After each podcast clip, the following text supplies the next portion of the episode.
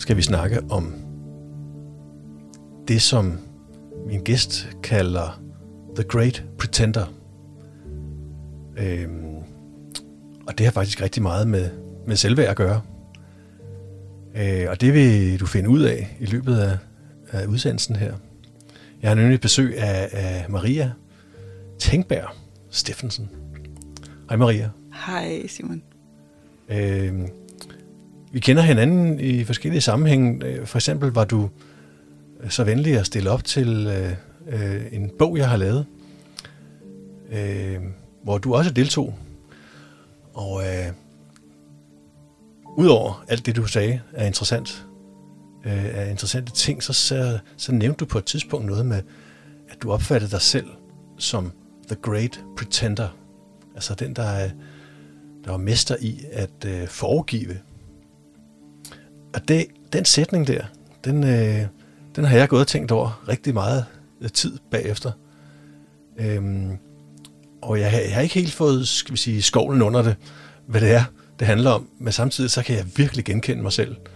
Øh, det var jeg måske ikke rigtig indstillet på at ville, fordi det helt klart handlede om selvværd. Øh, men øh, jeg vil godt tænke mig at høre lidt mere om, hvad, hvad du lægger i det begreb. At være the great Ja. pretender, ja. Mm.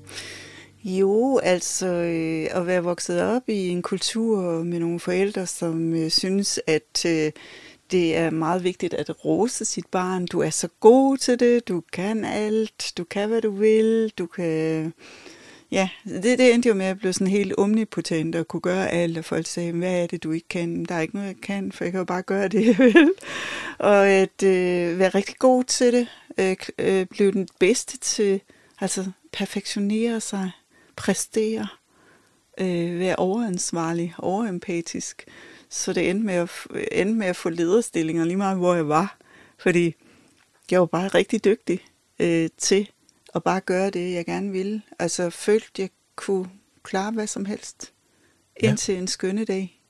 Ballonen bristede og opdagede, det hele handlede om et øh, overdrevet selvtillidskompleks, men at der faktisk ikke var noget selvværd bag det. Så jeg begyndte at forske forskellen på selvværd og selvtillid. Ja.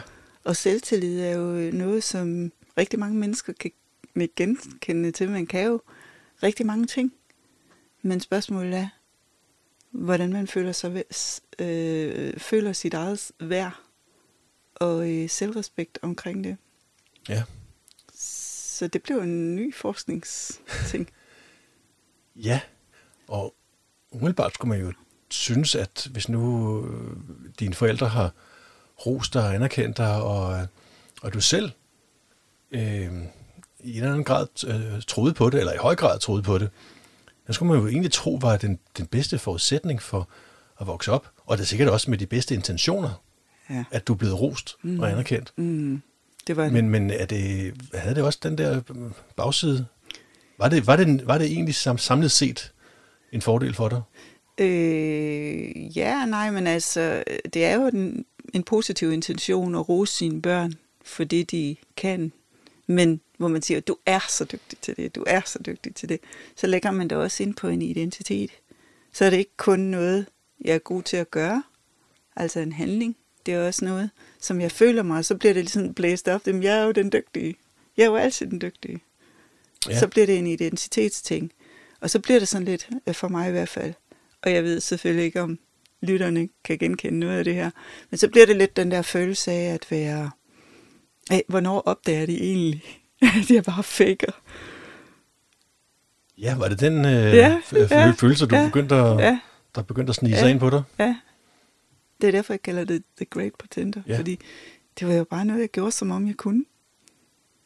Og du, og du, du mener faktisk, at du, du kunne ikke nødvendigvis det, som... Jamen, altså, jeg tror stadigvæk, folk ville synes, jeg var god til det, til det, altså, når jeg blev leder. Men jeg var dygtig fagligt, som jeg er en dygtig pædagog.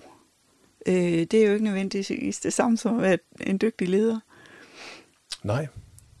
Men du levede øh, det livet som, som, som, som den, der, der, der kunne det hele og, og, og gjorde det hele. Ja.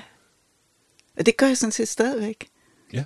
Men nu har jeg bare fået et andet perspektiv på det, fordi altså, jeg føler stadigvæk, at jeg kan, hvad jeg vil, og jeg føler også, at jeg har modet til det. Ja. Øh, det kan jeg ikke, men det kan jeg sikkert lære. Men det har bare flyttet sig til, hvad det egentlig er, jeg synes er vigtigt. Så kommer vi over i selvværdskategorien. Ja. For selvtillid, det er jo i virkeligheden, hvad du kan. Og selvværd er, hvad du er. Ja. Det har jeg fået blandet sammen tidligere. Tror du, du er alene om det? Øh, jeg ved ikke, men jeg har på fornemmelsen, at der er andre, der også har det lidt sådan. Ja, Ja. fordi jeg, jeg kan se for mig, jeg kender det selv, øhm, at, at i virkeligheden så, øh, så, så kan jeg skrive de første 500 eksempler ned på ting, jeg gør eller ikke gør, eller prøver at forestille øh, helt bevidst, eller også er det lidt ubevidst, det ved jeg faktisk ikke, øh, som jeg tænker, det her det er godt for mig. Og det har næsten alle sammen noget at gøre med noget, der er selvtillidsopbyggende. Det kan også være at købe noget. Mm. Du køber et eller andet øh, fint ur, eller en bil, eller, eller noget tøj, eller øh, går de rigtige steder, at så, eller går i fitness for den sags skyld, så, så, så kan man tænke, at det, nu gør jeg noget godt for mig selv, og det er sådan her, jeg gerne vil være. Sådan vil jeg gerne se ud, sådan vil jeg gerne opfattes. Øh, og det virker jo faktisk i en eller anden grad, hvor folk siger, hold da op, du ligner jo en million, ikke? Mm. Hvem har ikke lyst til at ligne en million? Men, men at, at det måske, i mange tilfælde i hvert fald, øh, netop var, øh, at vi, vi foregiver, jeg foregav, mm. og gør det stadigvæk. Mm. Øh, og, og det er så simpelthen så svært, fordi det er så fristende at, at kigge på alle de andre ydre ting, der kan, der kan, ligesom kan skabe en. Men i virkeligheden, så, så rammer det ikke nødvendigvis noget værdifuldt i os selv. Nej, lige præcis. Øh, jeg skal jo ikke misforstås derhen, at jeg ikke tror, det er vigtigt at rose sine børn. Det mm. synes jeg jo også, det er anerkendende, men det skal bare være sandt.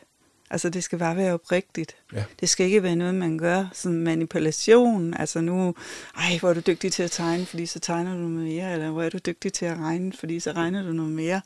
Eller de der, øh, det der ros, øh, som ryger over i anerkendelse af, at ej, du, du er dygtig til det, du kan det, og du går i fitnesscenter, og du har, altså du får en masse anerkendelse, og lige pludselig en dag, så opdager jeg bare, at det der anerkendelse og ros, det blev lidt ligesom et stof, man får sådan lidt narkotika, um, så får man helt, ja, alle på min arbejdsplads synes, jeg er hammerende dygtig, så går jeg hjem og tænker, ej, jeg er helt høj, og det lyser i øjnene, og så klapper jeg sammen bagefter, fordi de opdagede sgu ikke rigtigt, at det var fake.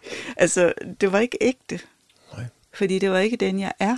Og det er faktisk først efter, jeg begyndte at, at få adskilt det ordentligt, hvad selvtillid og selv, hvad selvværd og selvtillid Ja. er i forhold til hinanden.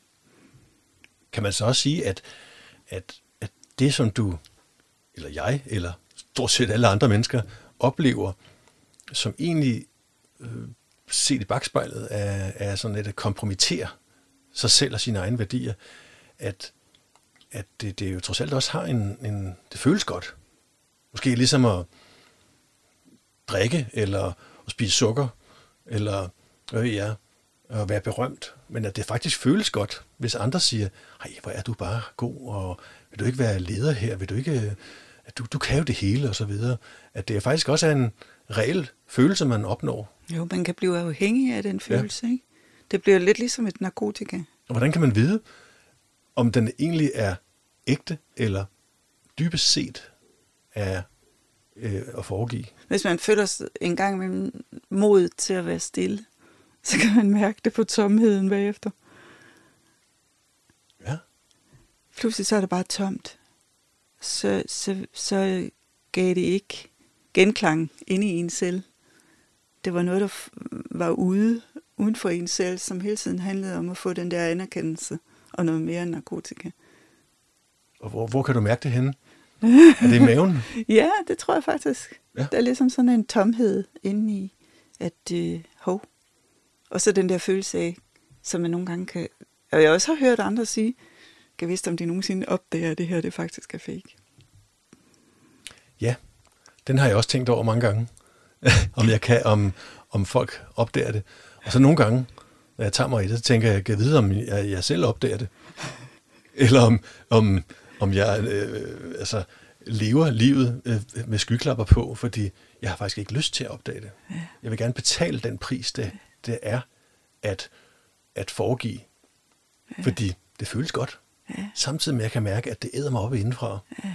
Men, men ja, det er jo en pris, man må Jeg, jeg tror måske betale. også, øh, fordi jeg gik ned med stress på den arbejdsplads, hvor jeg var leder, øh, og bagefter opdagede, at min stilling blev delt i to fuldtidsstillinger, en pædagogisk og en administrativ, og jeg egentlig aldrig skulle have været i den administrative.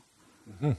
Men fordi at jeg øh, jo var, bare mente, at jeg kunne det hele, og folk de syntes, jeg var dygtig, så ja. tog jeg for meget på mig, og så, så, det, så får man jo lidt tid til at tænke, når man ryger ned med stress og bliver sygemeldt. Ja. Og det tomrum der, det gør sådan, nej, du bliver simpelthen nødt til at lave om på nogle ting i dit ja. liv. Og få fat og det i gjorde nogle, du så? Ja, altså få fat i nogle øh, reelle værdier, som jeg ikke vil gå på kompromis med. Ja. Som er mine. Ja, fordi du har jo simpelthen øh, du har defineret fem kerneværdier, ja. Øh, ja. Som, du, øh, som du navigerer efter og lever efter. Ja. Prøv lige at fortælle, hvad, hvad, hvad, hvad, hvordan du... Ja, hvad, altså hvad vil det sige? Øh, tal 5 er jo lidt tilfældigt. Det kan være, at du har 3 eller 10. Men jeg synes bare, at det er et meget godt tal. Altså for mig, der synes jeg, at det, det skal ikke være for mange, men sådan en håndfuld, hvis du kan få defineret, hvad er det for nogle værdier, du ikke vil gå på kompromis med så kan du jo øh, prøve, afprøve, om det virker i dit liv. Så handler det meget om selvrespekt. I det øjeblik, du har nogle kerneværdier, om du så også respekterer dig selv nok til at stå fast på dem. Mm-hmm. Ja, og selvrespekt. Ja. Det er jo sådan et, lige et nyt begreb. Ja. Er, det, er det ligger det op af noget? Ja, uh, det gør altså, det. Selvrespekt til at respektere sit selvværd, eller se at skabe sit selvværd, eller hvordan kan man Respe- Du har nogle værdier, og så skal du også vise, at du respekterer dem. Ja. Og, og på den måde, så holder du op med at være offer. Mm-hmm. Og det er jo genialt. Ja. Selvværd og selvrespekt, det er at arbejde sig væk fra den der følelse af at være offer. Og hvad sker der, hvis man, hvis man lever og trækker offerkortet Jamen, lidt for ofte? Det, så er det jo meget nemt, at man ryger ned med stress, eller bliver syg, det var for hårdt, og arbejdsbyrden var for stor, og kollegaerne forstod mig ikke, og alle de der ting. Det er jo ens eget valg, om man så vil. Ja, så jeg, jeg har fundet ud af, at det lyder meget enkelt. Det er det i virkeligheden også, det har holdt i en del af år nu, at hvis jeg har fået defineret mine øh, fem kerneværdier, ting, som jeg ikke vil gå på kompromis med, og det er så ligegyldigt, om det er i bogpæl, i, på arbejdslivet, i det, jeg gør, eller i min mission, eller hvad som helst, så, så er det ligesom nogle grundlæggende værdier, som jeg ikke vil gå på kompromis med. Og den første, kan man sige, det er det, jeg kalder at være sand fra hjertet. Det er ikke det samme som at være ærlig. Altså, jeg kan ikke lide dig, når du snøfter, eller snorker. Mm-hmm. Det er jo ikke noget at gøre med at være sand fra hjertet. Sand fra hjertet, det er et eller andet, hvor jeg respekterer min egen grænse, eller jeg respekterer, hvad jeg føler, jeg kan, eller orker. Ja. Og så øh, fra hjertet, når jeg siger det fra hjertet, så er det ikke noget, jeg har tænkt. Det er noget, jeg kan mærke i min krop, og så øh, er det fra hjertet, fordi det kan godt siges venligt. Man behøver ikke at sætte bang, bang. Altså, man behøver ikke at sætte hårde grænser op for andre, heller ikke for ens børn, men man kan sætte græn, afgrænse sig selv. Ja. Sandt fra hjertet på en venlig måde. Og ikke bare afgrænse måske, men også navigere. Ja, altså ja. aktivt sige, jamen, jeg, jeg, jeg, jeg spørger lige, ja. hvordan har jeg det egentlig med ja. en beslutning? Ja. Eller et valg? Ja. Og hvad, det vil sige, så flytter du sådan set øh, beslutningskraften fra, fra hovedet og ned til noget kropsligt? Ja, det er rigtigt. Og hvad, hvad forskel gør det? Øh, jeg har opdaget mm. lige pludselig, det er meget øh, inde i vores kultur at have en meget stærk tanke. Og jeg har fundet ud af, at den, den, den bliver simpelthen for dominerende, hvis det er den, der styrer. Den skal bruges som et redskab. Tankerne? Ja. ja. Det er ikke meningen, at tankerne skal styres. Tankerne skal bruges som redskaber. Så, så, så det at være sand fra hjertet handler meget om at mærke, at det her, det, det, det kan jeg, eller det kan jeg ikke. Så det vil sige, det er, det er jo faktisk sådan en, næsten sådan en kopanikansk vending, ja. hvor man bytter rundt på Hvem der drejer rundt om hvem? Ja, og så det ligner det faktisk lidt over imod en løgnedetektor, fordi en løgnedetektor aflæser, hvad kroppen, hvordan kroppen reagerer på en løgn. Ja. Så det er lidt det samme som at, at, at, at indoperere en løgn, eller være ops på den løgnedetektor, det er, når jeg kan mærke, skal jeg gøre det her, eller kan jeg det ikke. Kroppen den slapper af, og mm, det føles godt. Eller jeg spænder op, nej, det, det, det er sandt fra hjertet, så tror jeg lige, jeg afgrænser mig selv her og holder en pause. Og, og så bruger du, selvfølgelig ikke udelukkende, men alligevel tanke, tankerne til og øh, ja, som, som redskab bagefter. Ja, for eksempel hvis jeg nu øh, sandt fra hjertet bliver nødt til at afgrænse mig og sige, det her det kan jeg ikke, og så jeg kommer ud i et land, hvor jeg er nødt til at gøre det alligevel, så ja. kan jeg bruge mine tanker til at lave en struktur omkring det. Det er så min anden værdi.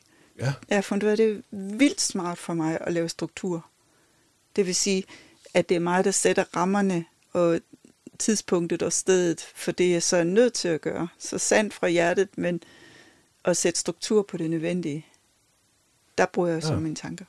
Og det er nødvendigt, det vil sige, så er det ikke nødvendigvis det, som du ville vælge med mavefornemmelsen, men det, der ligesom skal ja. gøres. Hvis jeg er nødt til at gøre det, selvom jeg godt kan mærke, at mavefornemmelsen siger nej, så kan jeg, så kan jeg gøre det spiseligt for mig ved at, at, at skabe en struktur omkring det. For eksempel, er det ude eller er det inde? Er det så så mange timer, eller er det øh, på den og den måde? Så kan jeg lave en struktur omkring det, jeg er nødt til at gøre, og så på den måde øh, skabe en respekt omkring min værdi. Så de to ting hænger rigtig godt sammen. Ja, det er klart. Og så bruger jeg også struktur og tankevirksomhed på at lave en fysisk kalender, fordi det bliver sådan lidt, nu aktiverer jeg mine tanker til det her. Nu bruger jeg mine tanker til at lave en fysisk kalender, hvor jeg skriver mine øh, aftaler og mine opgaver, fordi det er det, tankerne skal bruges til. De skal ikke bare flyve afsted og tænke tanker for sig selv. De skal, jeg skal bestemme, hvad de skal bruges til. Er du også sådan en, der ligesom mig kan blive helt overstimuleret af, ja. af egne tanker? Ja, det har jeg gjort tidligere. Hvor, jamen, jeg har gjort hele mit liv, hvor tankerne bare har styret, du ved, 117 forskellige input hele tiden, og få 100 idéer i døgnet. Altså simpelthen, som bare har kørt rundt, og så lige pludselig en dag tænkt, det her det går ikke mere. Nu bliver jeg nødt til at styre de tanker. Ja, og fordi det tænker jeg, den kan jeg abonnere på fuldstændig. Øh, og samtidig får jeg straks tanken, øh, hvordan? Fordi hvordan skal jeg hvordan skal jeg bruge tankerne rigtigt, uden at tænke det hele ihjel, og så bruge øh, tankerne på alt muligt andet også, som jeg lige har vedtaget, at det vil jeg jo ikke bruge tankerne på. Kan du, kan du, altså, hvad kræver det? Kræver det en, en, en ekstrem disciplin at sige, lad være, lad nu være med at, at tænke det hele? Øh, jeg tror ikke så meget på disciplin. Jeg tror meget, det handler ligesom at holde op med at ryge eller drikke alkohol. Det er bare at sige, nu beslutter man for at stoppe og så finde på noget at lave for tanker. Det kan være, at du skal spille et wordfeud, hvis det, hvis det kører dig ud af, eller det kan være, at du skal lave en kalender, som jeg for eksempel også har rigtig meget glæde af. Eller det kan være, at du skal lære mindfulness, hvor du bare sidder og jagter dine tanker. Men beslutningen er det første. Beslut dig for, nu har jeg tænkt nok, nu har den styret for meget, nu, nu stopper jeg. Første okay. halvdel af livet, der styrede tankerne, nu prøver vi lige nu andet. Og når du så øh, bruger din, for eksempel din, jeg går også ud fra, det intuition for eksempel, og mavefornemmelse, til at navigere mere efter, hvordan fungerer det i praksis? Fordi jeg, jeg er helt vild med øh, ideen, øh, og jeg, jeg, jeg, jeg elsker, at jeg turde gøre det mere selv. Mm-hmm. Øh, jeg kan sagtens se for mig, at altså, jeg, de styrker, der er i det, de er totalt undervurderet. Mm. Øh, og samtidig så, så kan jeg godt gå med sådan en lille frygt i maven, apropos, øh, om, hvad så, hvis min mavefornemmelse tager fejl? Skulle jeg alligevel flytte øh, den endelige beslutning op i hovedet ja. igen? Ja. Fordi jeg møder en verden, der ikke nødvendigvis passer til min mavefornemmelse. Og ja. så er vi tilbage ved selvværdet. At, ja. at tør jeg stole på den værdi, der kommer fra min mavefornemmelse? Den der fysiske reaktion med, at oh, det føles godt det her, det er helt rigtigt. Eller mm lad være, lad nu være. Den lille knude i maven. Hvad, hvad, hvad gør man der? Altså, fordi nu er vi over på, på den selvværdsdelen, ikke? og siger, skal jeg navigere efter dem? Eller tør jeg det? Eller skulle jeg hellere sige, ja, det er fint nok, så har jeg lige fået svar hernede fra, og så træffer jeg en, en voksen beslutning bagefter med hovedet. Jeg tror, at øh, de fleste af os vil komme ud i netop det der dilemma, som du siger nu. Og øh, for eksempel for mig har det været meget sådan noget med, hvad nu hvis jeg er sand for hjertet, at jeg så mister mine venner? Ja. Fordi de ikke kan håndtere, at jeg er sand. ja. Og øh, hvad nu hvis... Og så jeg har egentlig bare tænkt, øh, nu har jeg prøvet det andet så længe, nu prøver jeg det her. Og øh, jeg, jeg tror, at det der selvværd hænger meget sammen med selvrespekt. Så hvis jeg skal stole på, at jeg har den her værdi at være sand fra hjertet, så skal jeg også respektere den og gøre det i praksis. Ja. Og så må jeg prøve at se, hvordan det ender. Og det, jeg opdager jo, at de mennesker, der virkelig betyder noget for mig, de faktisk klapper i deres hænder og siger, det er sgu dejligt at høre, at du klarer i mail nu. Så det vil sige, at, at selvom det måske er en, øh, der, der har nogle uønskede sideeffekter, så, så kan det være, at det også bliver ryddet op i ja. relationerne. Ja, det tror og jeg. nogen, der siger, at det, det var ikke lige det, jeg havde håbet på, ja. du ville sige eller mene. Ja. Øh, men det var måske alligevel dem, man skulle, Præcis. skulle overveje om det. Altså, det, det er jo mega angstprovokerende at, at, at være sand fra hjertet og vide, at man så også støder nogen fra sig. Og når der er nogen, der sidder og lytter til det her, så vil der være nogen, der kan vinde genkendelse i det, og der vil være andre, der siger, at det der det er bullshit. Men hvis jeg skal være sand fra hjertet og autentisk om mig selv, så bliver jeg jo nødt til at gøre det på den her måde. Og så må det jo være sådan. Jeg kan ikke være venner med alle, jo. Hvad har det så af konsekvenser, øh, hvis, øh, når du er det? For det er jo ikke engang hvis. Øh, kan du, øh, vil du for eksempel kunne få et, øh, et lederjob i et tilfældig organisation? Jeg, jeg tror, at det vil begynde at, at ændre sig. Nu, nu har jeg ikke lyst til at være leder mere. Mm. men men øh, ja, ja, jeg tror, at det vil ændre sig. Fordi jeg jo så også vil blive nødt til at sige fra over for nogle ting, som jeg ikke synes er, er i orden. Og så kommer vi over til ligesom den tredje af mine mm-hmm. fem kerneværdier, som jeg kalder integritet. Og det vil sige ting, som jeg synes, øh, at jeg ikke vil gå på kompromis med, som for eksempel, jeg har en, øh, en værdi, der hedder, at det er meget vigtigt for mig, at rammerne er i orden. At, at øh, stedet, jeg er, at jeg bor et godt sted, at arbejdspladsen er behagelig, at, at øh, der ikke er nogen, der råber til møderne, at jeg kunne for eksempel ikke være politiker, for det vil ikke passe ind i den der integritet, jeg har med en, en ramme, som er rolig og venlig. Øh, jeg kan selvfølgelig godt være til et møde, hvor der er nogen, der råber, men jeg kan også bede dem gå, eller sige, nu holder vi lige en pause, fordi det har jeg ikke lyst til. Så det er også en, en værdi, jeg ikke kan gå på kompromis med, med mere. Det er, at rammerne skal være øh, trygge, kan man godt sige. For mig også. Ja. Og jeg kan jo sagtens abonnere på den med, med, med at, at være politiker. Det, det kræver noget helt særligt. Ja. Øh, men, men hvis nu to lidt præcis politikere, er de så ikke kendetegnet ved, at de er der for deres egen overbevisnings skyld, og det er det, de er der for.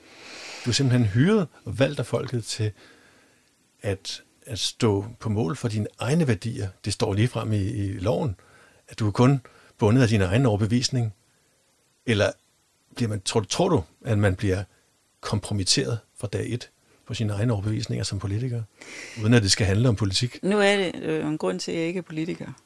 Og øh, jeg tror, at øh, helt ærligt, de fleste politikere er det af idealistiske værdier for, hvordan det er bedst for samfundet. Og så kan man sige, at det er en lille smule øh, navlebeskuende og kun gå op i, hvad der er vigtige værdier for mig selv. Men rent faktisk tror jeg, at hvis jeg er god til at være mig selv, og jeg er autentisk, så kan jeg bedre sprede glæde og lys i verden, end, end som politiker. Altså, jeg vil aldrig kunne være politiker, fordi jeg ville føle, at jeg skulle øh, gå ind for nogle idealistiske værdier, som det ikke var sikkert, at jeg lige synes var rigtige. Ja. Så, så jeg tror, det kræver, at man opererer på et helt andet niveau. Ja. Og der er sikkert brug for begge dele, men jeg, jeg, jeg, jeg skal ikke derhen. Det er ikke en af mine værdier. Mine værdier er jo, at, at jeg er den bedste version af mig selv, eller jeg er autentisk og ægte. og respektere mine egne værdier, og så på den måde kan skabe lys og glæde Ja. i verden. Når nu, at, at du så øh, navigerer efter dine egne værdier, så, så vil jeg straks, øh, hvis det var mig, der gjorde det lige så meget, som du gør, så vil jeg meget hurtigt komme ud i en situation, hvor jeg kan mærke, at, at det, jeg står for, og det, jeg har vedtaget, det her, det kan ikke forhandles. Det er mine grundværdier. At, at, at øh, så kan jeg se på andre, at de bliver skuffede, ja. eller, øh, øh, eller utilfredse, eller, eller ikke er med på den der. Og så får jeg straks sådan lidt dårlig samvittighed, ja. og siger, kan jeg egentlig tillade mig det her? Fordi er jeg ikke på vej til bare at være, er jeg ikke bare en egoist i virkeligheden, der har vedtaget, at nu har jeg de her værdier, og dem vil jeg ikke gå på kompromis med. Og så, så vil jeg straks få tanken, hvad adskiller mig fra en koldtænker chef, ja, ja. der også kunne sige det samme. Jamen, det her, det er jo nødvendigt, det er jo mine værdier, ja. og nu skal du bare gøre, som jeg vil have det. Mm. Og så vil jeg straks få den der, det er ikke, kan jeg nu, altså, måske skulle jeg lige sådan, tage en revision af mine egne værdier en gang til, fordi var det også lidt barsk sat op.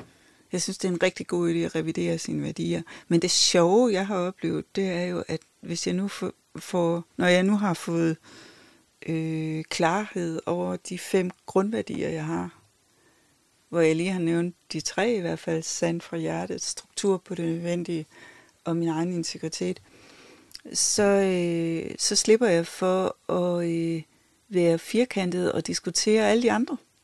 Altså, fordi der er jo 117 øh, spørgsmål, der dukker op, både i parforhold og på arbejdspladser og sådan noget der.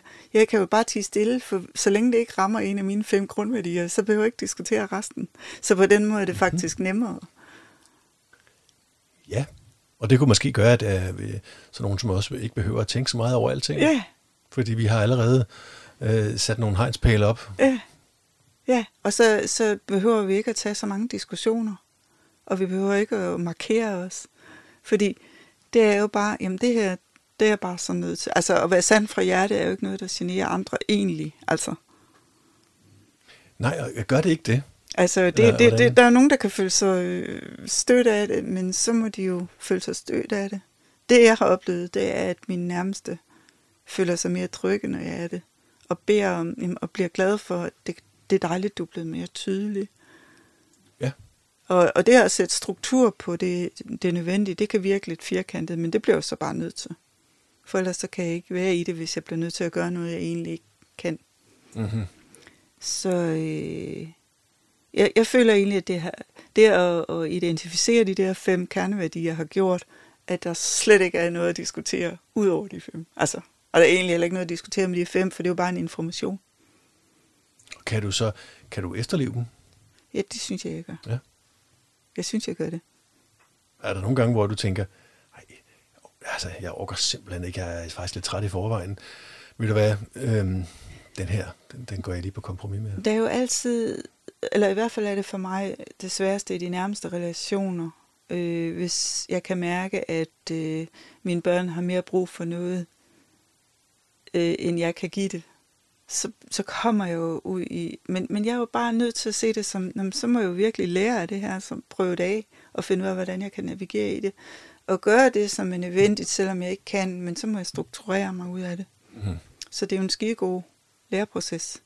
Og der er ikke nogen af de ting, som jeg ser som de fem kerneværdier, jeg har, som gør, at jeg behøver at blive skarp og skrab og sige nej. Det er jo bare stille og roligt en information om, at øh, sådan er jeg lige nødt til at fungere. Altså, det kan også være øh, i forhold til det, jeg kalder min integritet, er det meget vigtigt for mig, at jeg gør tingene i min egen rytme og min eget tempo. Så hvis der er nogen, der skynder på mig, så kan det godt tage lidt længere tid. Det kan jeg også sige til mine børnebørn. Hver gang du plager mig, så kommer det lige til at tage lidt længere tid, fordi jeg skal lige ind i min egen rytme og tempo med det. Nå, så må de jo lære det. Ja. Men kan, du, øh, kan, det, kan det så genere i, i det, du gerne vil af dine omgivelser, at, at, at nogen, de, de synes, at øh, det, det er ikke lige, for eksempel, hvis du, hvis du øh, går meget op i, at du skal være i omgivelser, der, der passer til dig. Ja. For sådan har jeg det også selv. Altså, sådan et storrumskontor med et hævesænkebord og en standardcomputer ja. foran mig, ja. og en billig mus og en billig kaffe, ja. og et dårligt lys, og, og kollegaer, jeg ikke selv har valgt, og så videre. Øh, det, jeg, jeg kan mærke det øh, i maven, at det har jeg ikke lyst til, det her. Men, men det ville være svært at sige, nu tager du så dine egne møbler med, ja. og øh, dit, dit eget lys, og, Jamen, det øh, det. og, og, og sige, at i øvrigt, så er det ikke, fordi jeg ikke kan lide jer, I er bare nogle andre. Ja. Øh, jeg sidder mig herover, øh, sådan 20 meter væk fra de andre der. Det kræver mod at være, Ja, det må det være. øh, respektere sine egne værdier. Eller kræver det, eller kunne en løsning være, at man slet ikke skal være der? Ja, det kunne det sagtens være. At man lige skal tænke den endnu videre, Ja. til, altså et skridt til længere tilbage. Ja. Altså for eksempel øh, det der eksempel med at gå i træningscenter, som vi ved, det er meget vigtigt at træne, det er meget vigtigt. Øh, det har jeg haft øh, problemer med i mange, mange år, hvor jeg har tænkt, hvad er det, der er galt med mig? Jeg kan ikke finde ud af det der med det der træningscenter. Jeg kan ikke lide lyset, jeg kan ikke lide klonklydene, jeg kan ikke lide lugten af sved, jeg kan ikke lide at være der. Så til sidst så har jeg bare tænkt, okay, men så må jeg bare gå en tur i skoven i stedet for Mm-hmm. eller danse på en trampoline, Ja. eller sådan noget derhjemme. Fordi det fungerer jo ikke. Altså, de, de kerneværdier, som er vigtige for mig, de har mest med mig selv at gøre. De har jo egentlig ikke nogen konsekvens for andre. Udover de nære relationer, kan, der kan det være vanskeligt, hvis de har nogle behov, der går imod det. Men de vil jo heller ikke, altså ligesom i en flyver, du skal tage din iltmasken på selv, før du hjælper andre. Det ved de jo også godt. Ja. Så jeg vil sige, de, nærme, rela- de nære relationer, som betyder noget, som er vigtige for en, de, øh, de ser også styrken i det. Okay. Det synes jeg. Fordi jeg har personligt øh, altid, jeg er ikke så god til at, at stå fast på mine værdier eller principper. Og så har jeg måske sådan lidt ubegrundet frygt for, at hvis jeg gør det, så vil folk, så vil mine omgivelser netop tage skade af det, oplever de, fordi jeg, jeg gør sådan, og det er sådan her, jeg vil. Ja. Øh, samtidig med, at jeg også godt ved, at jeg, jeg prædiker jo selv, at vi skal jo sørge for at stå inden for os selv, hvad den, så, er vi, så er vi den bedste version af os selv. Ja. Øh, det kan ikke blive bedre, øh, i stedet for ja, at foregive. Ja. Men, men det er jo godt at høre, at, at du ikke oplever, at, at, at dine omgivelser, de, de tager negativ skade af, af ens egne værdier. Jeg synes, det er meget vigtigt, det der faktisk, jo mere jeg tænker over det, at det ikke er mere end fem kerneværdier, du finder frem til, fordi du så opdager, at der er en masse af andre problematikker, der ryger væk, og du ikke behøver at diskutere. Og hvad er principper i forhold til værdier? Når du siger Ja, principper, ja. jeg ved ikke rigtig, hvad... Nej. En værdi er noget, der er vigtigt for mig. Et princip, det kan jo også være noget, som jeg har med hjemmefra, eller en eller anden, noget, som er fremmedgjort Ja, øh, det og det af princip gør jeg ikke sådan og sådan. Øh, en værdi, det, det kommer et andet sted fra, synes ja, jeg. det gør det. Fordi ja, princip det er måske mere, at øh, sådan, det er sådan, det er. Ja. Jeg behøver ikke argumentere. Det er faktisk ikke engang mig selv. Det, Nej. det, det, det er en regel, nogen har lavet. Ja. Fordi sådan er det. Det Præcis. er noget mere normativt. Ja. Øh, hvorimod en værdi, den er vel helt personlig. Og den står man selv på mål for. Ja. I øvrigt. ja. Og der er ikke andre, der kan lægge den ind i en. Altså, fordi ikke der er ikke andre, der kan vide. Nej. Vi, min mand og jeg har gået pilgrimsturen i Spanien. Og der opdager man, at øh, tempo og rytme er forskellige. Og at der ikke er to, der går i samme tempo. Der er ikke to, der går i samme rytme med pauser og sådan noget. Og det finder man ud af, at det kan man faktisk heller ikke i livet. Der er man nødt til at finde sin egen rytme og tempo, lidt ligesom et musikstykke. Man kan ikke begynde at spille et andet musikstykke midt Mhm. i ens eget musikstykke. Man er nødt til at finde sin egen rytme og tempo. Øh, det, det, det hele handler om at være autentisk og spille rent i forhold til, hvem man er. Ja. Og øh, ja, Er det samtidig det, vi, vi kæmper med? Jeg gør i hvert fald. Øh, at at øh, jeg vil sige, mit eget forhold til, til verden, det er sådan, det er alt for åbent i virkeligheden. Jeg lader mig alt for meget påvirke af, hvad, hvad verden garanteret synes, hvad andre mener og hellere vil have. Og så bliver jeg sådan lidt et produkt af, af, af det. Øh, og det er ikke på den, nødvendigvis på den gode måde. Ikke? Øh, og det kunne også være helt sådan lavpraktisk, hvis man siger, øh, jeg skal ud og finde en kvinde. Øh, så klæder man sig og opfører sig lidt, som man tror, hende derovre gerne vil have hmm. Øh, og så kan man sige, at det er det så, skal man bare lade være med det? Er det det, der er det korte svar? skal man bare komme i præcis det tøj, man havde tænkt sig, og den frisyr, eller øh, komme med de kommentarer, man havde lige har øh, på, på tungen, eller skal man også i en anden grad sige, jeg vil også gerne gøre mig sådan lidt øh, appetitlig for, for verden? Altså, jeg har det jo sådan lidt, øh, du kan ikke ikke kommunikere, så hvis jeg nu hører en tv-avis med en tv-vært, der har noget tøj på, der fuldstændig crasher med den personlige stil, hun har, eller han har, så kan jeg ikke høre, hvad der bliver sagt. Fordi jeg sidder mm-hmm. og spekulerer på, hvad der er galt i det, og jeg kan ikke rigtig finde ud af, hvad det er. Det er ikke så mange procent af den samlede kommunikation, der er indholdt i ordene. Der er en masse nonverbal kommunikation omkring. Øh, så jeg tror stadigvæk, det er rigtig vigtigt at finde ud af, hvad er det, der er mig? Altså, hvad er det, der er min, hvad er mig selv? Den stil, der er mig. Altså, i Danmark, der går alle mennesker klædt i noget casual. Men hvad, hvad nu, hvis jeg har en, en stil, der er mere dramatisk, eller feminin, eller kreativ? Så find frem til den, og så være mere mig i den, og ture det. Det, det handler egentlig meget om at gå uden for flokdyrs principperne. Ja, for så, det er også en, det læner sig op af en af dine værdier også. Ja. ja. Med den her stamme. Ja, altså øh, fordi øh, i, i, i, i et, en kultur, som verden har været før, så er der jo en flokdyrsmentalitet med en leder og nogle undersåtter, og hvor man skal finde sin egen plads i den. Jeg tror, det er vigtigt, at man finder den rolle, som man selv skal spille. Altså nu kan det godt være, at det bliver en lille smule øh, flyvsk, men øh, i mange år tænkte jeg, at jeg havde en mission, der handlede om at finde frem til øh, de guddommelige aspekter i mig selv. Mm. Øh, det, den åndelige version af mig selv. Indtil en dag, lige pludselig, der gik det op for mig, at den, den skal jo ikke have som et mål, for det er jeg jo. Jeg er en ånd, der har en jordisk oplevelse. Mm-hmm. Jeg er ikke en krop, der har en åndelig oplevelse. Det er i hvert fald min overbevisning. Det, det vil der være mange, der vil skrive ind og sige, det er noget af fis. Men, men jeg føler, at jeg er et åndeligt væsen, der har alle de der kontakten i naturen, kontakten til min intuition, alle de ting, som skal til.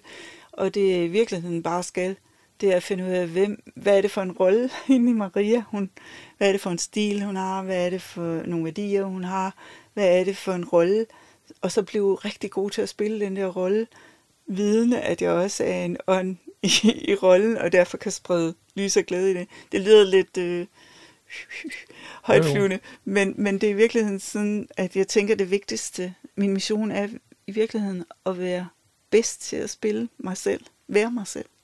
Ja. Oscar Wilde, han, han sagde faktisk, Oscar Wilde, han var en irsk digter. Ja. Han sagde, be yourself, every, everyone else is already taken. ja, det og det er egentlig essensen af det. Så hvis vi bare har fokus på at være den bedste version. Jeg kan lige høre Brinkmann være uenig med mig. Svend Brinkmann, mm-hmm. som synes, at tingene bliver for navle øh, Ja. Men jeg mener i virkeligheden ikke, at en lyspære kan lyse, hvis ikke den er skruet ordentligt ind i fatningen. Og det er den, hvis du ved, hvem du er, og du har din egen grounding, og du styr på dine egne værdier. Og det er jo et, et, tror jeg, meget centralt emne, det der med, øh, en ting er at sige, okay, her er jeg, nu har jeg skrællet alle lagene af løgne af, og nu her står jeg her. Ah, den, det er den, jeg skal være. Og så kommer den første udfordring, hvordan kan jeg leve det liv, og så videre. Ja. Og kan jeg tage mod til mig, og kan jeg, kan jeg, kan jeg efterleve det med mine værdier, og så videre. Ja. Men jeg tænker, alene det at finde frem til, hvad det egentlig er ens værdier, ja. det synes jeg er noget af det sværeste, fordi efterhånden som tiden går, og man lever livet, så oplever jeg i hvert fald, at jeg bliver mere og mere, jeg ved måske ikke mere og mere, men jeg bliver i hvert fald konstant tæppebumpet med, hvem jeg skal være. Ja. Eller hvem jeg også kunne være. Ja. Det kan godt være, at det koster et eller andet ja. at være den ja. der. Men det har du lyst til jo. Ja. Du har også lyst til at, at tage den uddannelse, du har også lyst til at gå de steder, og du har også lyst til at spise den mad, og så videre. Og til sidst, jamen så, så, så ved jeg simpelthen ikke, altså ikke helt, men, men det er meget svært at, at, ligesom at skralde alle lagene af, og sige, nå ja, lad mig lige lave den øvelse og skralde alle lagene af, og så finde sig frem tilbage til mig selv, ja. og så stole på, at for eksempel fem øh, kerneværdier, at det faktisk er dem. Ja. Fordi jeg har fået en milliard påvirkninger fra andre, ja. Og jeg har været i tvivl, og jeg har haft nogle ting, der siger, det her, det er helt klart, det kan jeg mærke i maven. Det betyder noget for mig. Men efterhånden har jeg aflært at lytte til den mavefornemmelse, fordi nu er det hovedet, der tager over, og jeg har også fundet ud af, at det virker bedre, fordi jeg måske er født ind i en verden, der ikke helt passer til mig. Så jeg har fundet ud af, hvad der virker, strategier for, hvad der virker. For eksempel, nu siger jeg bare, at øh, det virker faktisk at plise.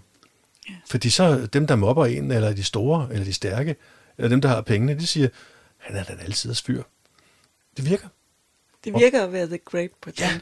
Og, og, og hvordan kan jeg så vide, at, at øh, det er faktisk ikke en værdi, det er faktisk bare at foregive. Nu skal jeg være oprigtig. Ja. Og hvad så? Nu står jeg tilbage med det store spørgsmål og siger, hvad, hvad tør jeg egentlig stole på? Det er måske i virkeligheden rigtig vigtigt at sige til vores børn og unge og os selv, at det er vigtigt at lave fejl. For det er der, du mærker, om det er den vej, du vil eller ej. Lave fejl? Ja. ja. Og komme ind på noget, det der var ikke rigtigt for mig. Eller det der, sådan vil jeg ikke gøre det en anden gang. Vi er så bange for at lave fejl, men i virke, virkeligheden er det jo nogle af de bedste vejvisere, vi har. Og hvordan kan man vide, hvis nu tog eksemplet fra før med, øh, jeg er for eksempel, jeg er blevet mobbet i folkeskolen, øh, og jeg fandt ud af, uden at tænke over det, vil jeg så sige, at hvis jeg ikke, jeg var ikke en store dreng, så jeg kunne ikke bare slå de andre, der mobbede. Så jeg måtte finde en måde, en strategi. Ja. Og det blev så at, at være den, øh, den, der pleaser, den, der er venlige. Ja. Og faktisk havde jeg nogle af dem, der, der mobbede mig mest, det var samtidig mine bedste venner. Øh, og så i andre sammenhænge, så, så var det dem, der mobbede i den grad. Ikke? Men at det, det var en strategi, der rent faktisk virkede, fordi det kunne håndtere den virkelighed, jeg var i. Selvom i dag, der virker det jo fuldstændig latterligt at sige, ja. hvorfor gør du det her? Ja. Og så får jeg selvfølgelig også tanken, øh, gør jeg det stadigvæk? Og gør vi det stadigvæk, for eksempel i arbejdslivet, ja. at hvor mange af os kan egentlig sige, at vi ikke foregiver, fordi vi gerne vil opnå noget, eller vi gerne vil have sympati, eller anerkendelse, eller højere løn, eller bedre vilkår, eller øh, synes bedre om os selv. Øh, at vi, og vi simpelthen vi bruger de her værktøjer, som der egentlig skader os, fordi de virker. Det er jo meget stor forskel på at være barn og voksen, og et barn må jo lave de strategier, som er nødvendige for at overleve. Sådan er det jo bare. Mm. Og øh, når du så bliver voksen, så bliver du nødt til at finde ud af, at være offer, eller vil jeg selv være årsagen til mit liv? Jeg vil jeg selv tage ansvar for, vil jeg selv have selvrespekt for, hvordan jeg vil leve mit liv? Ja. Og når du kan mærke, at der er en eller anden tomhed, eller noget, der er forkert, om det er intuitionen eller ej, der siger den, så vil du kigge på, hvad er det, jeg skal gøre anderledes her. Hvis, hvis du fungerer fint i det, du gør, så skal du ikke lave noget om. Og hvordan er vi så tilbage igen i, at, at det der med at fungere fint i det? Jeg har et billede af, at, at der er mange mennesker, der egentlig fungerer fint i verden. Ja. Forstået på den måde, at ja, der er også ting, der kunne være bedre eller anderledes, og jeg havde nok håbet på sådan og sådan. Eller, men altså i modsætning til sådan nogen som os, der er sansestærke eller særligt sensitive, som, hvor det måske står meget tydeligere, hvad der fungerer og ikke fungerer, ja. så tror jeg, der er en kæmpe mellemgruppe, og det er ikke negativt ment, men nogen, der rent faktisk fungerer sådan rimelig godt. Ja. Men jeg oplever i hvert fald, at mange af de samme, de, de har også nogle problemer, fordi de kun fungerer rimelig godt. Ja. Det er ikke så tydeligt, at de siger, jeg kan slet ikke være på den her arbejdsplads, eller den her chef kan jeg simpelthen ikke fungere med, ja. men jeg kan være i det. Ja. Men at det samtidig æder dem op indenfra, fordi dybest set kan de egentlig ikke tåle det. Det er sikkert noget med, at øh, når man kommer op i 40'erne og 50'erne, så begynder der at ske nogle ændringer. Hvis man for eksempel er rigtig dygtig til sit fag, og lige pludselig bliver chef, og så opdager, at det kan man faktisk slet ikke, fordi det har man ikke lært. Man har, man mm-hmm. har rigtig, rigtig meget styr på sit fag. Og derfor så, nej, vil du ikke være leder? Øh, jo, det kan jeg da godt prøve. Og så viser det sig, at det har man faktisk slet ikke styr på. Og så pludselig begynder selvtilliden at vakle, og så finder man ud af, hov, jeg har sgu heller ikke noget selvværd over selvrespekten. Og så bliver man nødt til at gå til en eller anden coach. Ja, for at, er, det, er det sådan, at hvis man er leder, så skal man faktisk have noget, og, og en, en, en platform selv at bygge det tror jeg. Ud fra. Man kan ikke være ordentlig leder, hvis, hvis man i virkeligheden slet ikke ved, hvor man selv er, eller hvem man selv, hvordan man selv er skruet sammen, og hvad man står for, hvad man tror på. Det tror jeg. Og der er selvfølgelig nogen, der er fødte ledertyper, men der er også alle os andre, der bare er rigtig dygtige til det, vi gør, og så ender som ledere uden egentlig at have den platform. Og Ja. så går ned med stress, og så står man der i 50'erne og er nødt til at lave nogle ændringer. Nogle justeringer. Og det kunne jo være at få styr på sine kerneværdier. Ja. Så man kunne leve i selvrespekt, i stedet for at være offer for alt muligt, der sker.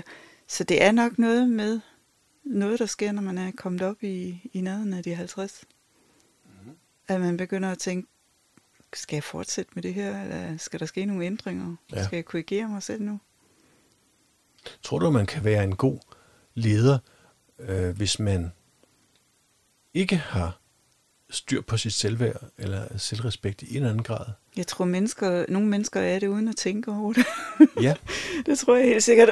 Hvis du kigger på din egen skoletid, så er der nogle af dine lærere, som springer ud som Mm. rigtig gode lærere. Det var ikke sikkert, det var de faglige dygtige, men det var måske de lærere. Altså, der er lavet en eller anden undersøgelse med det, og det virker i hvert fald i mit liv, at når jeg kigger tilbage på de dygtige lærere, så var det dem, der var mest autentiske, autentiske. ja. Ja. ægte i deres ikke spillede en rolle, nu er det mig, der er læreren, eller sådan, men, men var sig selv i rollen som lærer Ja.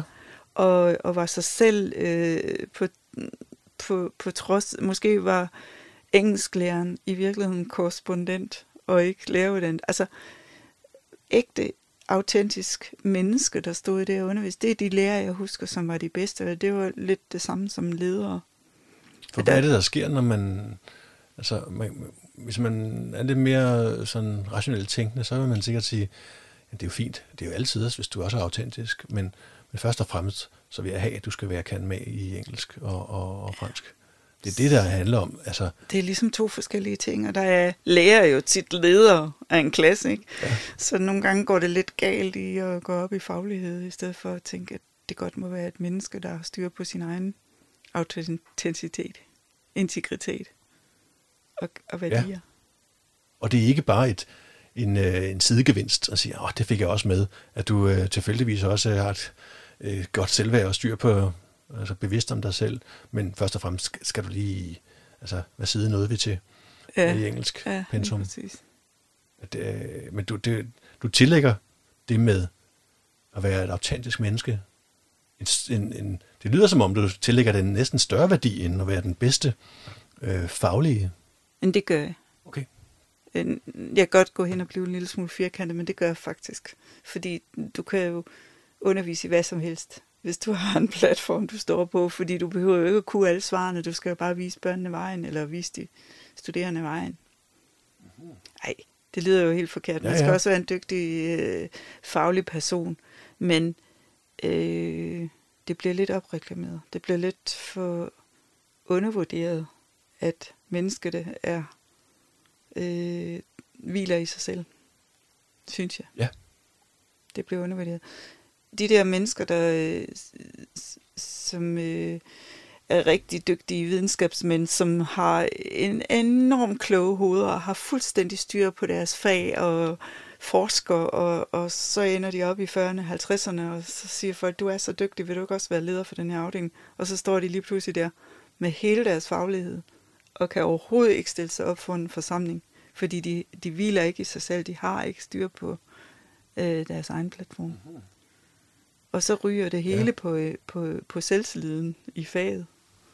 Ja. Det er bare ikke nok. Det er ikke et fundament, der er stærkt. Nej. Um, jeg har sådan lidt en kæphest med, øh, med folk, der er alt for øh, rationelt tænkende. Ja, øh, og det er, det er nok bare øh, min egen lille personlige kæphest. Men når jeg, når jeg hører debatter, så er der rigtig mange mennesker, der, der refererer til, til forskning hele tiden. Og det bliver ligesom sådan den der, den kan du ikke stikke. Jeg har S'et. Jeg har, jeg har simpelthen den. Øh, jeg, jeg, jeg, hvis der er tvivl, så sender jeg bare et nyt S på, på, ned på bordet. Fordi og der, der er sjovt nok ikke nogen der, af dem, jeg har hørt i årtier, der henviser til konkret forskning på side sådan og sådan. Det er trods alt det, man lærer os lærer øh, allerede i gymnasiet, og siger kildehenvisninger. Ja. Hvor står det henne? Hvor du, hvad, skal du ikke bruge det til noget? Men når man hører samfundsdebatter for eksempel, øh, så, så, så er der mange, der siger, forskning viser, eller der er evidens for. Altså evidens, det, det betyder sådan set ikke, at der er bevis for. Og i sidste ende, så handler det om sandheden. Altså, når man henviser til en forskning, der tyder på, eller der er solid øh, grund til at tro sådan og sådan, så har jeg aldrig hørt nogen sige, det er sandheden. Mm. Måske fordi de ikke helt selv tør stole på, at det er den absolute sandhed. Mm. Fordi i hvert fald tror jeg ikke på, at der er ret meget, der, der, der er, man kan sige, det her, det er den ultimative sandhed. Den kan ikke, den kan ikke fortolkes.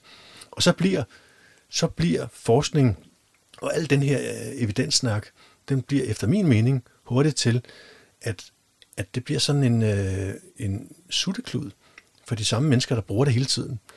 Øh, fordi så slipper de for ligesom at, at stole på sig selv. Så kan de bare henvise til, at der er nogen, der har brugt videnskabelig metode, og så har de et svar, eller jeg er jo ekspert. Men for mig at se, er det et udtryk for, i bund og grund, at man ikke stoler på nok på sig selv. Mm. Der, er, der, der er slet ikke den der refleksion, der siger, mm, det føles faktisk føles sgu lidt, lidt mærkeligt, det her. Jeg tror mm. ikke helt på det. Mm. Men man klamrer sig nærmest til, mm. til de her forskningsviser, forskning, der er lavet af Aarhus. Jeg, jeg, jeg kender nogen, der, der arbejder med, øh, med for eksempel arbejdsløst. Og der er mange ting, som de kommer frem til, fordi de er involveret sig med, med forskellige tænketanke. Og de laver nogle fantastiske, altså seriøst nogle fantastiske mm. undersøgelser med regressionsanalyser og det ene eller det andet. Man spørger tusindvis af mennesker, og så kommer de frem til noget, som jeg vil sige er fuldstændig banalt. For eksempel, det er vigtigt, at øh, vi føler mening med det, vi gør. Det er sådan en, der, der slet ikke kræver noget tankevirksomhed i min hoved, eller gode kollegaer er bedre end dårlige kollegaer. Altså nu skal vi ikke lave sjov med det, men, men, men, men det er som om, at først tænkte jeg, hvorfor laver de sådan nogle undersøgelser og bruger en formue på det? Men så gik det op for mig, at det er jo fordi, de er faktisk nødt til det. For hvis de kommer ud og siger, vi vil gerne fortælle dig, kan vi ikke komme ud og, og, og fortælle dig, vi er en troværdig organisation, der har fundet ud af, at, vi, at, at øh, det er bedre at have gode kollegaer end dårlige kollegaer. Så man siger, det, det, hvor har du det fra? Det, det vidste vi da alle sammen, ikke? Eller hvor, hvor kommer det fra i det hele taget? Hvis man siger, nej, vi har haft en tænketank til at, til at undersøge det her, så vi kan simpelthen bevise det ud fra videnskabelig metode, jamen så åbner dørene sig på en anden måde. Mm. Selvom konklusionen er den samme, og hvis man havde, øh, havde bare havde spurgt til sit eget arbejde og sige, hvordan føles det at have en dårlig kollega i maven, frem for en god kollega nede i maveregionen, mm. så man siger, okay, der har du svaret. Mm. Du kan bare spørge dig selv. Mm. Så har du svaret på samtlige analyser, der er lavet omkring den, det emne. Yeah. Det synes jeg egentlig er interessant, at vi, at vi alligevel ikke, måske som samfund, stoler og hylder den her, jeg kan mærke det. Ja. Jeg behøver ikke argumentere, jeg kan mærke det. Kan du ikke også? Ja. Sandheden er jo i det hele taget en sjov ting, fordi den er jo afhængig af sammenhængen, og afhængig af, hvordan du oplever den. Du kan opleve sandheden på en måde. Vi har jo ikke samme model af verden. Så din sandhed er ikke nødvendigvis den samme som min. Øh, sandheden øh, øh, afhængig af sammenhæng. Noget, der er en sandhed i, i det her system, kan være en anden sandhed i et andet system. Men det er jo en genvej, når du har fundet din egen kerneværdi, og bare siger, jeg vil bare være sand fra hjertet, fordi så behøver du slet ikke at bruge øh, energi på alt det, der er uden for dig selv. Mm-hmm. Det er her nu. Det er afhængigt af den sammenhæng, du står i her nu. Ja. Så på den måde er det en genvej, det er meget nemmere. Det er ikke så besværligt. Det er ikke så mentalt. Nej. Og så giver det vel ro ja. i, i ja. krop og sind. Ja, det gør det. Og, og når du først øver dig i at mærke det, så, så er du egentlig ikke i tvivl. Så kan du blive i tvivl, om du tør præsentere din sandhed for dine omgivelser, fordi det kan have en konsekvens. Og så kan ja. du være i tvivl, om du overhovedet tør lade være, fordi så mister du din selvrespekt. Kan du, øh, har du været ude for, at, at, at du har måttet øh, forkaste en værdi, eller skifte den ud med en anden? Jeg, jeg tror mere, jeg finpudset dem, der, altså, indtil nu har, har, eller indtil for nogle år tilbage, der har mange af de der sandheder, jeg har fundet, øh, holdt op med at virke, når jeg først har fået dem på plads, fordi så er der kommet en ny sammenhæng, et nyt perspektiv. Men mine kerneværdier, de ligger sådan set fast, og har været det i mange år. Ja. Ja, det er ligesom sådan en... Men, men jeg synes da altid, man skal være åben for at korrigere dem. Og i øvrigt øh, korrigere, så kunne jeg godt tænke mig lige at snakke lidt om min femte kerneværdi, ja. som handler om øh, relationer, som er meget vigtige for mig, og at have venner, som er på samme i bølgelængde som mig selv, eller være sammen med mine børn og børnebørn, som jeg synes er noget af det vigtigste i verden, og min mand, som jeg synes øh, er noget af det vigtigste i verden. Øh, og der er det så, at øh, jeg har fundet ud af, øh, det er jo ikke mig, der har fundet ud af det, men at vi har en utrolig stor gave i at være i, i vores relationer, fordi de spejler ting, som vi kan korrigere i os selv. De spejler.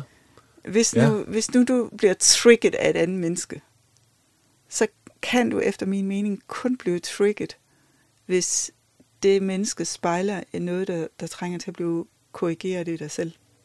Aha. Og når man siger trigget, er det så sådan lidt provokeret? Ja, det kan være noget, du virkelig bare ikke kan holde ud, eller også noget, du bliver forelsket i, eller et eller andet. Altså, det er Ah. noget, der virkelig trigger et eller andet i dig. Okay. Så får du i min, efter min mening en information om, at her er et spejl på et eller andet, du med fordel kan korrigere. Og det kan jo være alt i dit liv, din værdi er et eller andet, der skal finpusses eller korrigeres. For jeg tror ikke på, at du øh, bliver trigget, hvis ikke det vinder genklang i et eller andet, der trænger til at blive kigget på. Sådan tror jeg simpelthen, det er. Så det, det du kan gøre, det er, at du kan prøve at kigge i det der spejlbillede på den her person og fjerne alt, hvad du tidligere har oplevet, og alt, hvad du forventer, der skal ske, og så bare se på, hvad er potentialet i det, den her person prøver at vise mig. Det er jo ikke bevidst fra personens side, men så opdager du, at der falder rigtig mange skænderier fra. For du behøver slet ikke diskutere det, du får bare en gave i et potentiale i triggeren. Okay. Den skal jeg lige have vendt et par gange. Ja, god fornøjelse. Øhm, det er jo meget interessant. Øh, så hvad kunne det være i, hvad kunne det, kunne, kunne, det, kunne det komme med et eksempel på, hvad det kunne være? Jamen, det kan jo være... Øh, altså, det er jo tit i de nære relationer, triggeren er, eller på arbejdspladser, eller et eller andet, der øh, kan være et eller andet... Øh, puh, hvad skal jeg komme med for et eksempel? Mm, jamen, øh, det kan være nogen, der øh, trigger dig, fordi de kræver, bliver ved med at kræve noget af dig. De bliver ved med at Mm-hmm. pushe dine grænser.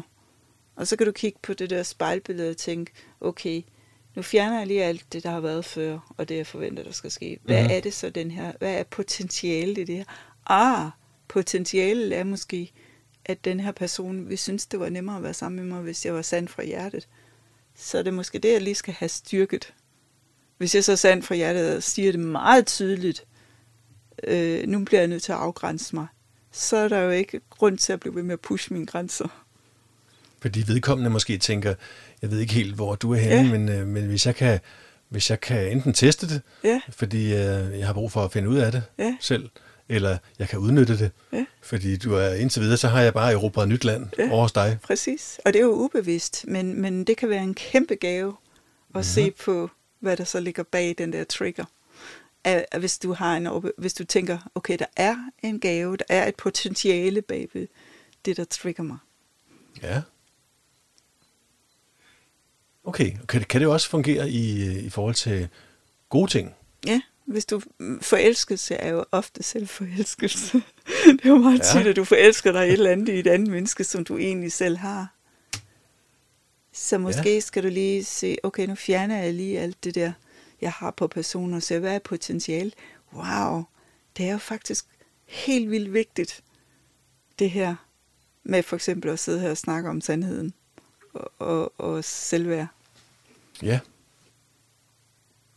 Er det, er, det- er det også en måde at navigere på i forhold til, ja, sandheder, og sige, hvad, hvad er det egentlig, der betyder noget, Ja, hvis vi er i stand til at det. skralde eller tage mm, det, der, der påvirker os, altså det trigger os, Ja. øh, og, og, og dreje det rundt og for, kigge på det og sige, hvad, Det er en hvad hjælp, handler det egentlig om? det er en hjælp til at finde dine værdier. Det kan være Okay. en hjælp til at finde dine værdier. Okay. Og kigge på trigger, det er sådan, yeah! Og så holder du op med at være offer for det der, der trigger dig. Og i Ja. stedet for, så kan du tage ansvar for dit eget liv og din egen udvikling, og bruge det som Ja. ja. potentiale. Er det så fordi, at, at øh, det, der trigger en, at det, øh, det kan mærkes i maven? Ja, det er virkelig noget, du ikke kan undgå at mærke. Ja, og så derfor er det, er det, er det sådan en ren foræring. Den, den rammer noget, Ja, på godt eller ja, ondt.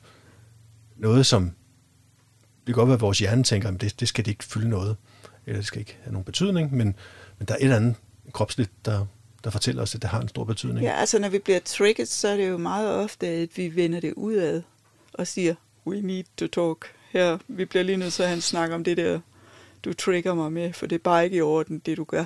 Men der kører du jo offerstilen. Hvis du vil have selvrespekt, så skal du jo ind og se, okay, hvad er potentialet? Hvad er det, der kan, øh, jeg kan bruge i min egen udvikling, så jeg ikke bliver trigget af det der mere. Det er jo interessant. Fordi sådan en som mig øh, vil øh, som udgangspunkt gå i, hellere gå i forsvarsposition eller hadposition. Og siger det kræfter mig. Det er simpelthen også bare for meget. Ej, hvor er det bare belastende Offer. øh, med, med, med de der holdninger, du har, eller den der attitude, eller et eller andet. Oh, ja. Og så, så har man lige et lille, en sådan lille fine billede, man kan dyrke lidt. Mm. Det føles helt godt. Øh, og jeg ved egentlig godt, at hvis jeg i stedet for tog sådan en, en tilfældig situation, og sagde, hvad handlede det egentlig om? Lad være med at dømme manden. Øh, tænk over, hvad det egentlig var, der, der gjorde, at du reagerede på det på den anden måde. Og var der noget om snakken? Var der et eller andet, jeg kunne lære af det? Øh, jamen, så har man i virkeligheden øh, både selvrespekt og taget sig selv alvorligt i en anden grad, Ja, tænker jeg. ja. Det er mega smart. Ja, det er smart. Ja, og det, er med til, det kan hjælpe dig med til at afklare dine værdier. Ja. Og dine fejltagelser kan hjælpe dig med at afklare dine værdier, fordi det der, det gider jeg ikke mere. Hvad vil jeg ikke gå på kompromis med? Det spørgsmål kan hjælpe dig med at afklare dine værdier. Ja. Ellers er det jo altid godt at finde nogen at snakke med det om. Fordi nogen, det er ikke alt her i livet, vi kan selv. Nogle gange Nej. skal vi have nogen til at kigge på det udefra, som vi har tillid til. Ja. Kræver det så, at man, øh, at man øh, ud over tillid, at man også er åben for at måske afsløre, øh, at man på nogle områder har foregivet sådan lidt i løbet af livet? Ja, jamen altså, det er jo det, der er faren ved at, at være sig selv. Ja. At finde ud af, at man måske har spillet skuespil i, i en anden retning i mange år. Ja. Så mange af de her tanker, vi snakker om nu, de, de kommer sådan rigtig på banen, når man bliver sådan 40-50 år, fordi indtil man er 30, der, der arbejder man jo bare enten efter det, der vi- virker for en, eller det, som øh, øh, kører i nogle mønstre, og så begynder man efter man er 30 og skal finde sin egen vej, og, og mærke efter, om det her er rigtigt eller forkert. Ja. Ja, ja. Er der noget, vi har overset? Der er meget, men... Der er meget. der er rigtig, rigtig meget. Men øh, det, det lyder meget enkelt at finde find dine fem kerneværdier, så er du styr på dit liv. Men, men rent faktisk er det et rigtig godt start, sted at starte. Ja. Det giver virkelig god mening. Jamen, så vil jeg sige tusind tak til dig, Maria. Det var en Selv fornøjelse. tak. Det var en stor fornøjelse.